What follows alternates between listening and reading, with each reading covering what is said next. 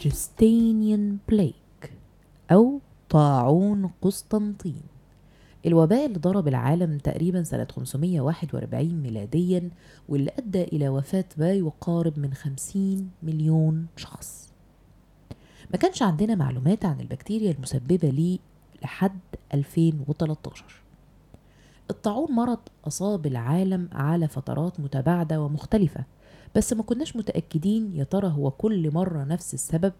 يعني هل طاعون قسطنطين ده مثلا هو نفس السبب اللي ضرب العالم مرة تانية سنة 1300 أو 1400 في الطاعون المشهور بالموت الأسود ولا كان حاجة مختلفة؟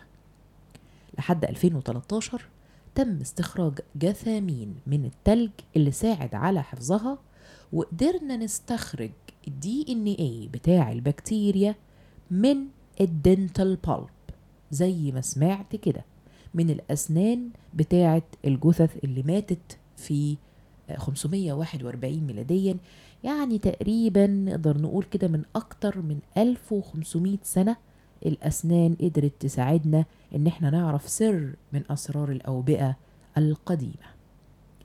أنا دكتور أسراء جمعة ومعاكم في حلقة جديدة في دانكاست وبنتكلم فيها عن ال hazards في عيادة الأسنان وعن علاقة سارس كوفيد 2 كوفيد 19 الشهير بكورونا فيروس والأسنان.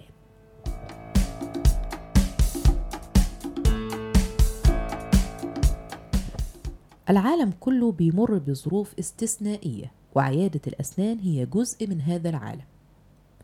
لما نيجي نتكلم نتعامل إزاي مع المرضى في ظل الظروف الحالية تعالوا نقسم الموضوع في دماغنا لمراحل. المرحلة الأولانية هعمل إيه مع البيشنت قبل ما يجيلي؟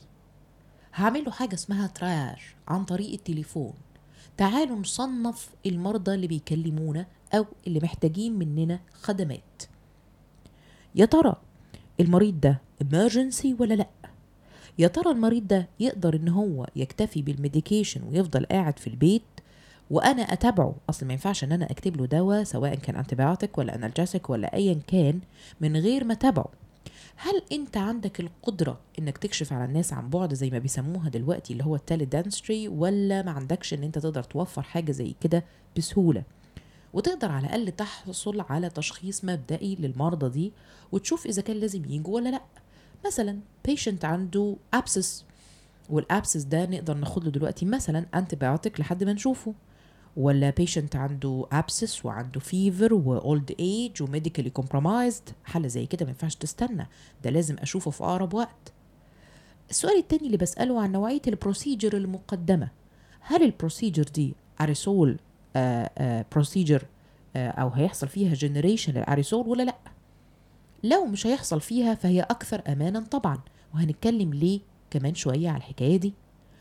لو كانت مجرد extraction أو diagnosis ساعتها الوضع بيبقى أكثر امانا من استخدام ال handpiece يبقى دي أول مرحلة معانا مرحلة ال triage سواء عن طريق التليفون أو سواء عن ال online meeting اللي حصل له طفرة في الفترة الأخيرة من المهنة.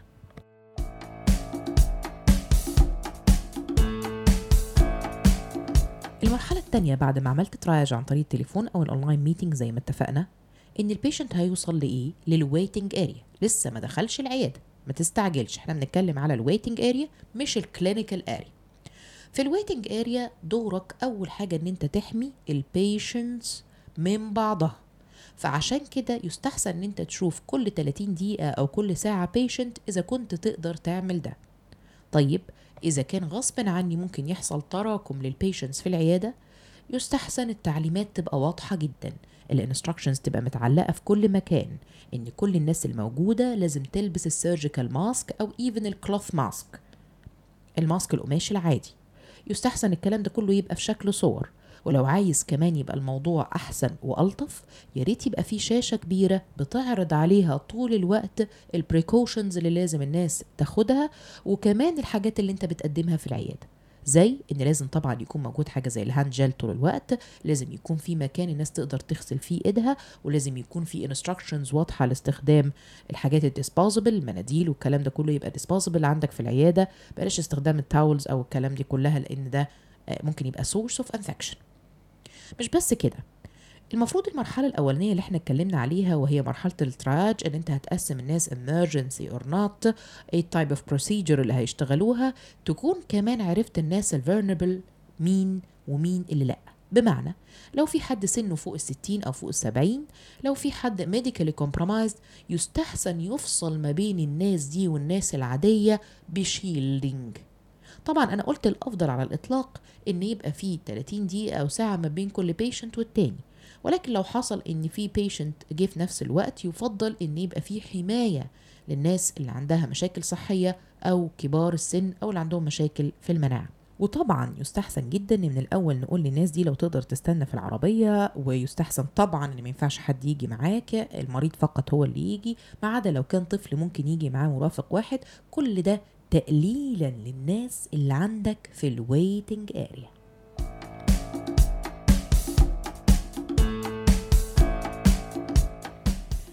هو بقى الفرق ما بين ال surgical mask وما بين ال respirator ال surgical mask العادي ده بيحمي mainly ال patient منك.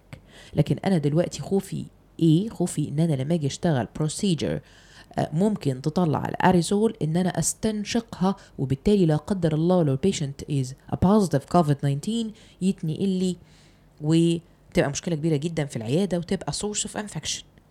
عشان كده أنا عايز ال respirator لأنه فقط هيسمح بالهواء في اتجاه واحد. والهواء اللي هيجيلي من ناحية ال patient أو من ناحية ال clinical area كلها هيبقى فيه فلتر والفلتر ده لن يسمح بمرور الفيروس. فكرة بقى يا ترى إيه نوع ال respirator اللي نستخدمه؟ إحنا القصة كلها مجرد مسميات. يعني لما نيجي نتكلم مثلا على N 95 وما يوازيه في النظام الأوروبي مثلا آآ آآ زي ال FFP 2 نيجي نتكلم على N 100 في النظام الأمريكي وما يوازيه في النظام برضو الأوروبي FFP 3 أو مثلا system تاني صيني. كل ده أنت ممكن بسهولة جدا تقدر تقدر تحصل عليه من الإنترنت.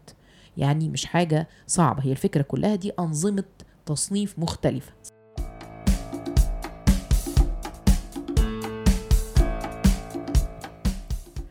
المرحلة الثالثة بقى وهي المرحلة الأكثر خطورة على الإطلاق. خلاص؟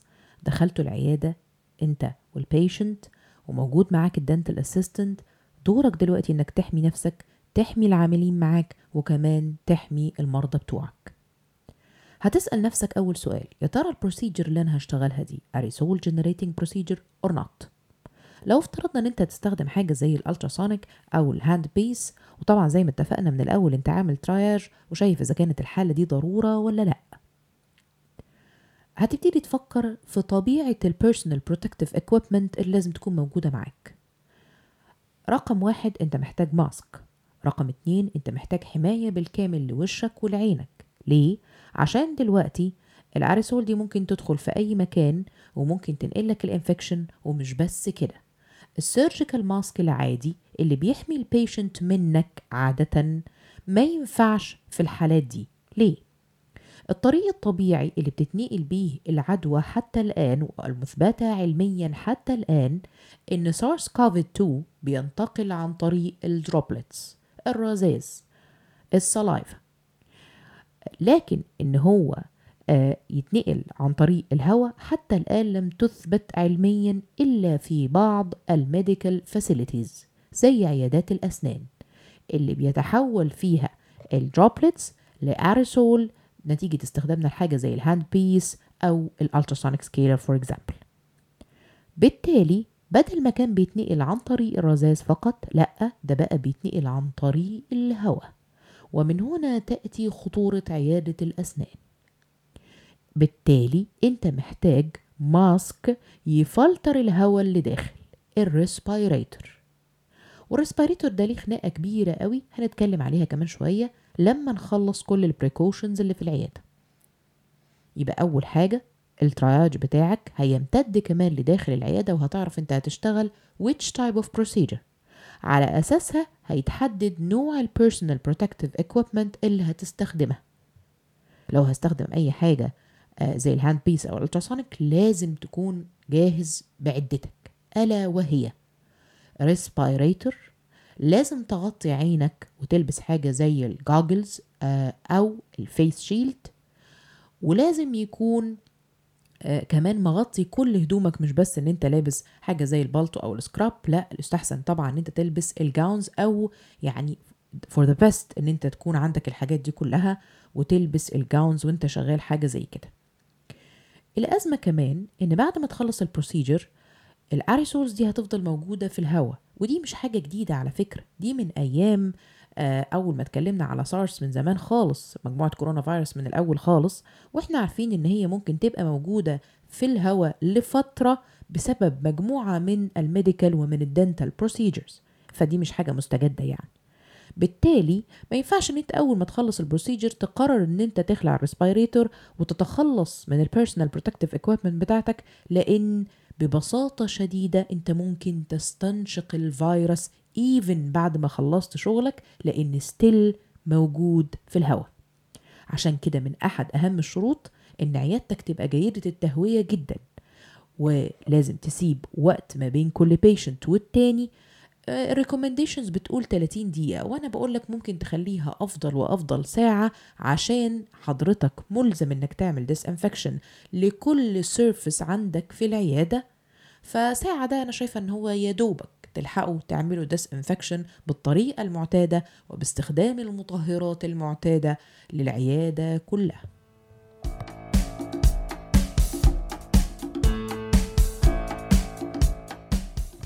طبعا أثناء الشغل ده كله حضرتك هتبقى قافل العيادة لأن إحنا مش عايزين الاريسول تطلع في ال waiting area أو تطلع بره ال clinical area طيب في حاجة تاني ممكن أخلي بالي منها غير موضوع ال good ventilation وغير موضوع ال personal protective equipment ال specific لكل نوع من ال procedure yes ال air conditioner التكييف آه، يعني عندنا هنا في مصر مشكلة مزمنة ومعضلة كبيرة جدا في التعامل مع التكييفات.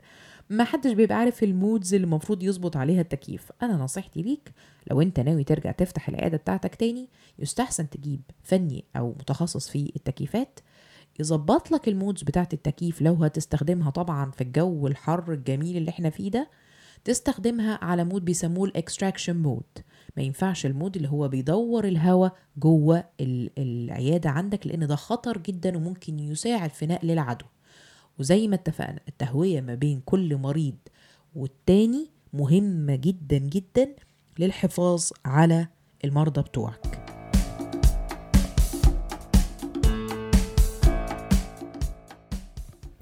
طيب آه لو أنا هشتغل النوع ال procedure التاني اللي هو آه زي ال extraction زي التشخيص مش محتاج ساعتها إن أنا ألبس respirator طالما مفيش حاجة هتحول الفيروس ده إنه يتم استنشاقه عن طريق الهواء ف it's okay إن إحنا نلبس ال surgical mask ولكن ال face shield برضو وال goggles عشان نحمي عينينا من ال splashes ونحمي نفسنا وال gowns أو ال surgical apron ممكن نلبسها ساعتها آه، بدلا من ال gowns طيب إحنا بنسمع كتير قوي يا دكتورة عن أنواع آه، مختلفة من ال respirator أنا مش تخصصي بتاعت infection control لكن كان في guidelines عظيمة جدا وأنا اتكلمت عليها قبل كده آه، Cochrane عمل review محترمة ل 12 guidelines من 12 دولة مختلفة بتتكلم عن التعامل مع كوفيد 19 في إعادة افتتاح عيادات الأسنان ال reopening وكانت بتتكلم ببساطة شديدة عن آه، آه، الفروقات ما بين ال surgical mask اللي إحنا اتفقنا إن هو بيحمي المريض أكتر ما بيحميك ومش بيفلتر الهواء بالتالي ما ينفعش مع أي حاجة بتتنقل عن طريق الهواء زي كوفيد 19 اللي بيتنقل فقط في بعض المواقف في عن طريق الهواء. تسميات مختلفة ممكن نسمعها لل respirator دي ممكن نسمع مثلا N95 N100 وده النظام الأمريكي أو نسمع النظام الأوروبي ال FFP3 أو ال FFP2 الفكرة كلها على قدرة كل واحد فيهم على ال protection for example ال N95 بيدي 95% protection ال N99 من اسمه هيديك 99% protection وهكذا. الفكرة كلها انت تقدر تطلع وتشوف الفروقات ما بينهم ببساطة الموضوع مش متعب خالص لكن الأهم إن كل واحد في اللي هتختاره ده يكون fitted ما ينفعش أروح أختار نوع ما فيهوش seal كويس ومش قافل كويس. وده طبعا بتدور على آه، شركة تكون مشهورة بحاجة زي كده شركة مصنعة مضمونة زي مثلا 3M for example زي إن أنا أكون متأكد من المصدر اللي أنا بجيب منه حاجة زي كده.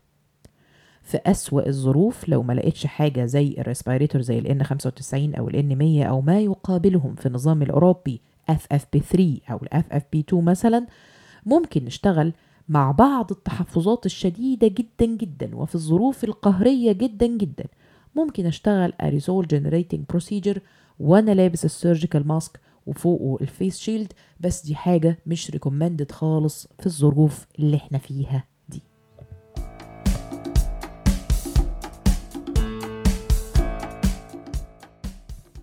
هل في حاجة معينة ممكن أعملها as a preparation لل patient بتاعي قبل ما أشتغل؟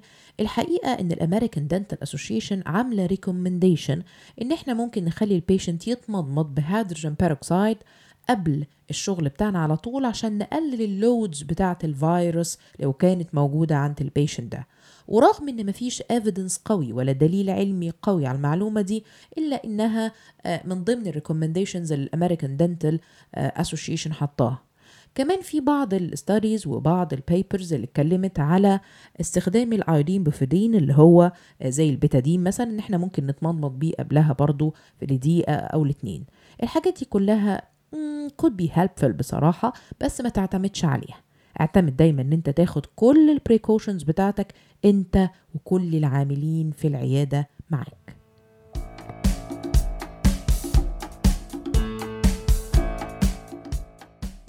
من ضمن الحاجات المهمة برضو اللي اتكلمت عليها الأمريكان أكاديمي ال use of ال radiograph كلنا عارفين إن لما يجي نصور فيلم periapical ممكن مثلا ال patient يكح ممكن ال patient يبقى فيه رذاذ أكتر من المعتاد. فال procedure دي من ال procedures اللي اعتبرت شوية إنها تخوف وإن الأحسن دلوقتي إن لو أنا محتاج ممكن أصور بانوراما لو أقدر أستغنى عن ال periapical يعني الحاجات اللي أنا زمان طول عمري بتخانق عليها وبقول للناس never ever إن أنت تصور بانوراما وأنت تقدر تصور periapical أنا هرجع في كلامي دلوقتي للأسف وهضطر أسمع كلام ال American Academy ونقول بلاها ال procedure دي دلوقتي عشان نقلل الأخطار على الأطباء الخط الأول في مواجهة الفيروس.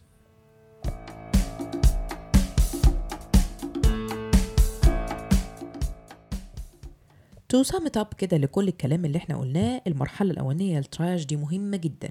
ما بقاش ينفع إن ال patient يجي ويرن الجرس ويدخل عيادتك كده من غير أحم ولا دستور. أهم حاجة إن إحنا لازم نكون عارفين ال patient ده جاي عايز يعمل إيه و... وممكن آه الوقت المناسب لحاجة زي كده لأن إحنا هنفرق ما بين ال patients وبعض. وهل لازم يجي فعلا ولا لأ؟ ونأكد عليه إنه ما يجيبش العيلة كلها معاه وهو جاي. إحنا في ظروف عصيبة. مفيش مجال للخطأ. المرحلة التانية في ال waiting area بتاعتك كل حاجة تبقى مجهزة الكلام يبقى واضح التعليمات موجودة باللغة العربية واللغة الإنجليزية يستحسن تبقى في شاشة بتعرض فيها كل ال precautions الناس كلها قاعدة بال masks بتاعتها سواء ال masks القماش أو ال surgical mask موفر في المكان ال hand gel موفر مكان الناس تغسل فيه إيدها كل الكلام ده لازم يبقى واضح وصريح قدام ال patients مش بس كده يكون عندي shielding لو حصل أي تجمعات إن أنا أحمي الناس ال high risks مثلا زي كبار السن أو اللي عندهم مشاكل أو أمراض صحية مزمنة. المرحلة الثالثه أهم حاجة تهوية العيادة الفرق ما بين ال patients دي حاجة قوية جدا. الفرق ما بين أنواع ال masks وأنواع ال personal protection equipment والناس اللي مش متعودة على ال procedure دي وأغلبنا كده أكيدا يمكن نسي حاجات وبحكم مثلا سنة ورا التانية آه نسي protocols إزاي يلبس وإزاي آه آه يشيل الحاجات اللي هو لابسها. الموضوع ده مهم جدا قوي إن أنت تتعلم. وفي videos كتيرة جدا موجودة على اليوتيوب عن ال putting on وال taking off الحاجات دي كلها. لأن يعني ده خطر جدا إن إحنا نتعامل مع الحاجات دي من غير ما نكون بنعرف إزاي نلبسها وإزاي نشيلها. آه الفرق ما بين أنواع ال masks ال respirator وال surgical mask والكلام ده كله كل واحد يستحسن إن هو يشوف المتاح في مكانه وفي بلده لأن في shortage كبير جدا وعالمي في كل أنواع ال personal protection equipment في العالم كله. فيستحسن إن كل واحد يشوف إيه المتاح عنده ويشوف الإمكانيات بتاعته ويتأكد كويس جدا من المنتج قبل استخدامه. في الآخر قد يكون هناك بعض الأشياء آه، اللي ممكن تساعدك على أداء المهمة دي. زي مثلا ال patient يتمضمض ب hydrogen peroxide في ناس تانية ممكن تقول لك يا دكتور أنا بجيب ممكن أجيب filters في العيادة عندي. الكلام ده كله مش هو الأساس. الأساس إن أنا عندي تعليمات واضحة وصريحة الأساس إن أنا بسيب آه، مسافات ما بين ال patient وبعض ووقت كمان ما بين ال patient والتاني. التهوية الجيدة مهمة جدا جدا according لل 12 guidelines اللي من 12 دولة مختلفة وفكرة التعامل مع ال PPE مش إن هي آه، إيه ال mask اللي سمعته حلوة وإيه ال mask اللي سمعته نص نص. الفكرة إنك عارف تتعامل معاها إزاي هي نفسها. وإزاي يكون آه، في seal كويس وإزاي أختار النوع المناسب ليا ولشغلي والمكان اللي أنا فيه على حسب زي ما قلنا في شورتج في بلاد كبيرة جدا لبعض الأنواع.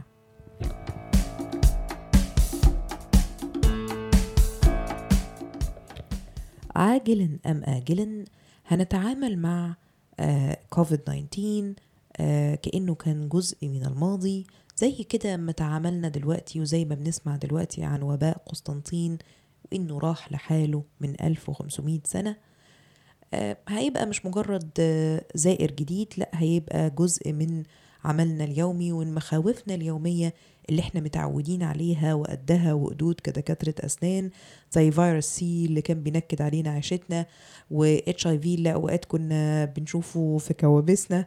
الحاجات دي كلها إحنا مرينا بيها ولكن إن إحنا نتعامل معاها من غير ما نكون واخدين احتياطاتنا أو من غير ما نحمي نفسنا والعاملين معانا والمرضى بتوعنا هتبقى سقطة كبيرة جدا في المهنة.